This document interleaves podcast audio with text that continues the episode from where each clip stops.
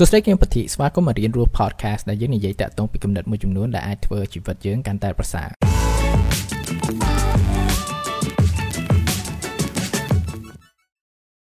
ស្វាគមន៍មកអេពីសូតថ្មីហើយថ្ងៃនេះដែរចង់ចែកម្លែកតាក់ទងពីការពិតមួយចំនួនដែលយើងគួរតែ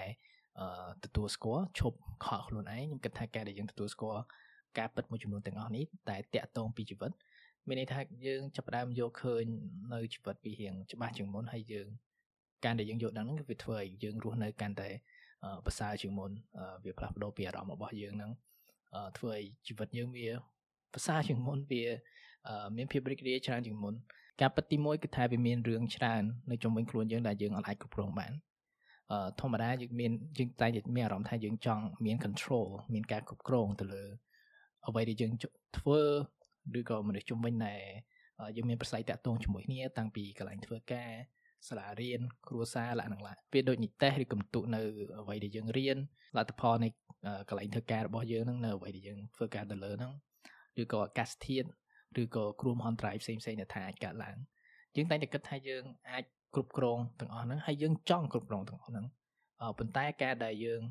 គិតថាយើងអាចគ្រប់គ្រងនៅលទ្ធផលនៅអ្វីមួយហ្នឹងគឺយើងចាប់ផ្ដើមដាក់អឺការរំពឹងទុកមួយចំនួនទៅលើខ្លួនយើងហើយជាមួយនឹងអ្នកដទៃ ហើយការដែលយើងមានរំពឹងទុកកាន់តែច្រើនជាពិសេសការរំពឹងទុកទៅលើអ្វីដែលថាយើងអាចគ្រប់គ្រងបានហ្នឹងគឺអារម្មណ៍យើងក៏វាទៅតាមនឹងដែរ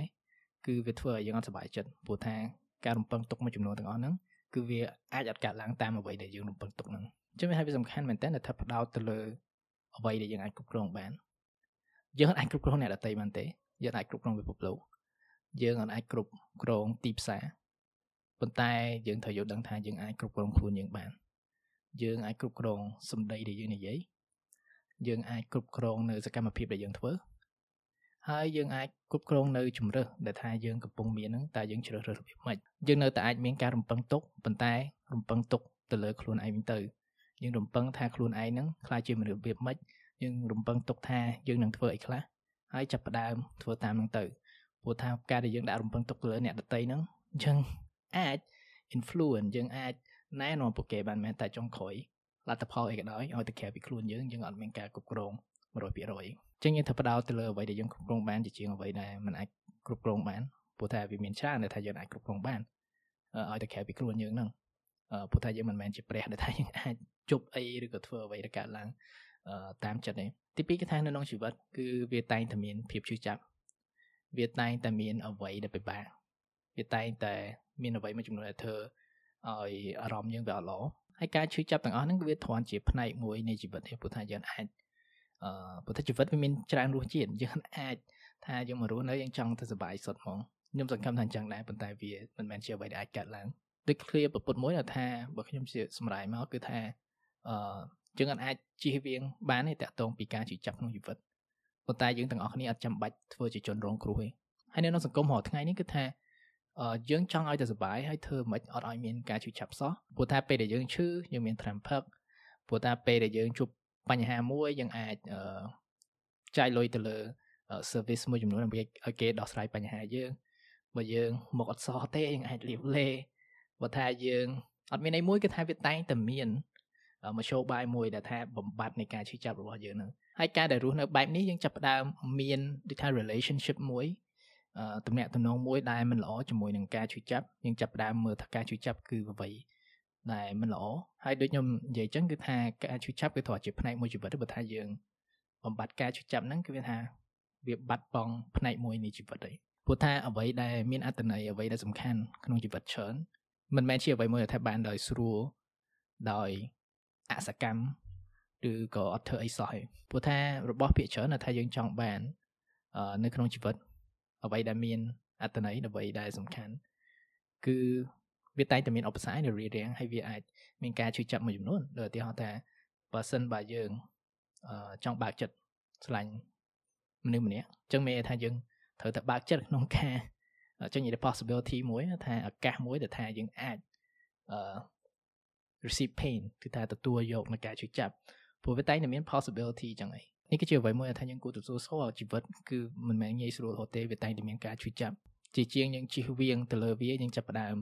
ផ្លាស់ប្ដូរការគិតរបស់យើងហើយជាពិសេសស្វែងរកអត្តន័យនៃការជឿចាប់របស់ហ្នឹងថាយើងរៀនយើងយល់ដឹងអ្វីតាក់ទងពីការជួយចាប់មួយចំនួនជាពិសេសនៅអតីតកាលអីចឹងទៅហើយយើងចាប់ផ្ដើមផ្លាស់ប្ដូរជីវិតយើងតាមនឹង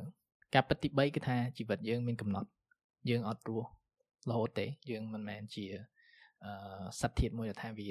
ជនិយាយថាមានភាពអមតៈមានថ្ងៃមួយអាចខុសគ្នាពីមនុស្សម្នាក់ទៅមនុស្សម្នាក់យើងនឹងស្លាប់អឺដូចតែគ្នាហើយតកតងសង្គមរបស់យើងហ្នឹងគឺថាយើងចូលចិត្តអត់និយាយតកតងពីការស្ដាប់ពេលនិយាយមកគឺថាពិបាកស្ដាប់ឬក៏មើលមកដូចស្ដាប់មកដូចធ្វើឲ្យយើងពិបាកចិត្តប៉ុន្តែវាមិនមែនជាអ្វីមួយដែលថាយើងគួរពិបាកចិត្តព្រោះថាធម្មតាបើសិនជាយើង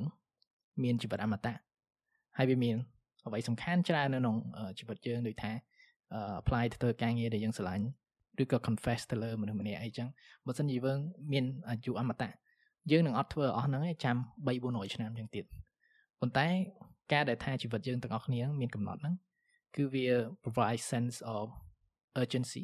វាគេដូចលក្ខណៈជា deadline ថ្ងៃកំណត់ថាយើងធ្វើអីធ្វើអីមួយ ហើយមួយទៀតវាឲ្យអត្ថន័យនៃជីវិតរបស់យើងហ្នឹងព្រោះថាបើជីវិតយើងអត់កំណត់ទេយើងក៏អត់ធ្វើនៅអ្វីដែលសំខាន់សំខាន់ដែរធ្វើឲ្យជីវិតយើងវាពេញលេញដែរហើយវាជាអ្វីមួយដែលថាខ្ញុំធ្វើជារឿយរឿយមែនតើគឺថាខ្ញុំសួរខ្លួនឯងថាបើថ្ងៃនេះគឺជាថ្ងៃចុងក្រោយដែលខ្ញុំអាចរស់បានតើថ្ងៃហ្នឹងតើអ្វីដែលថាខ្ញុំគួរធ្វើហើយអ្វីដែលខ្ញុំមិនគួរធ្វើ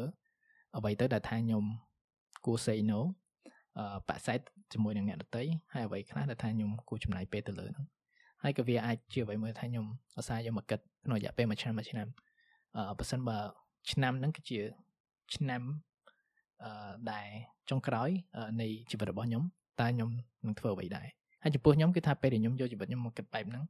ខ្ញុំចាប់ផ្ដើមមើលដឹងថាអ្វីដែលសំខាន់ហើយអ្វីដែលមិនសំខាន់ហើយវាជាអ្វីមួយដែលធ្វើឲ្យជីវិតខ្ញុំមានអត្ថន័យជាងមុន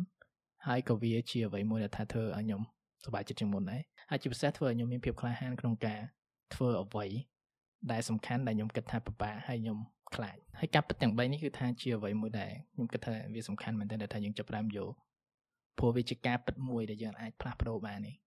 ព្រោះវាតែងតែមានអ្វីមួយចំនួនដែលយើងអាចគ្រប់គ្រងបានហើយវាតែងតែមានអ្វីមួយចំនួនដែលអាចធ្វើឲ្យយើងមានភាពជឿចាប់ហើយជីវិតយើងក៏វាមានដែនកំណត់របស់យើងដែរ ប៉ុន្តែការដែលយើងចាប់ផ្ដើមទទួលស្គាល់និងយល់ដឹងតទៅពីការពិតទាំងអស់ហ្នឹងយើងចាប់ផ្ដើមយល់ដឹងថាអ្វីអឺទៅអឺដែលពិតហើយយើងចាប់ផ្ដើមចំណាយពេលទៅលើអ្វីដែលសំខាន់ហើយចំណាយពេលដោយ មានលក្ខណៈមួយថាអឺ productive ហើយ efficient ទៅលើជីវិតរបស់យើងនឹងចឹងយើងអត់ខ្ជះខ្ជាយទៅលើអ្វីដែលថាมันសំខាន់ទេហើយជាពិសេសគឺថាវាធ្វើឲ្យជីវិតយើងវាកាន់តែមានអត្ថន័យឡើង ពេលដែលយើងចាប់ផ្ដើមចំណាយពេលទៅលើអ្វីដែលសំខាន់ជីវិតយើងក៏ចាប់ផ្ដើមខ្លាយជាជីវិតមួយដែលសំខាន់សម្រាប់យើងដែរនិយាយនេះគឺថាមិនមែនតែថាធ្វើឲ្យយើង sad អត់សុបាយចិត្តថាយកទាំងអស់ហ្នឹងខ្ញុំគិតថាតែការដែលយើងមានអារម្មណ៍អត់សុបាយចិត្តឬ sad ពេលដែលយើងយកដឹងតាក់ទងពីការពិតនៃជីវិតហ្នឹងគឺមកពីយើងគិតទៅលើវាខុសអឺបើសិនបើយើងយកវាមកប្រើប្រាស់ដើម្បីជួយយើងនៃការផ្លាស់ប្ដូរជីវិតរបស់យើងខ្ញុំគិតថាវាអាចធ្វើឲ្យយើងអឺ ជីវិតយើងប្រសើរជាងមុនជីវិតយើងគឺមានដែនកំណត់មែនតែកាលណាដែលយើងយកជីវិតយើងយកមកប្រើប្រាស់របៀបមួយដែលត្រឹមត្រូវគឺថាពេលវេលាទាំងអស់ហ្នឹងគឺគ្រប់គ្រាន់ហើយអូខេការ sharing នេះវារៀង deep តិចអឺព្រោះតែវាចឹងនិយាយថាចំពោះខ្ញុំវា very personal អឺក្នុងការយកដឹងទាំងអស់ហ្នឹងខ្ញុំសង្ឃឹមថាវាអាចមានប្រយោជន៍ក្នុងការជួយអ្នកទាំងអស់គ្នាក្នុងការផ្លាស់ប្ដូរនៅការយកឃើញតាក់ទងពីជីវិតដើម្បីរស់នៅជីវិតមួយដែល កាន់តែប្រសើរជាងមុនសម្រាប់ខ្លួនយើងអរគុណក្នុងការស្ដាប់ជួបគ្នានៅអេពីសូតថ្ងៃក្រោយបាយបាយ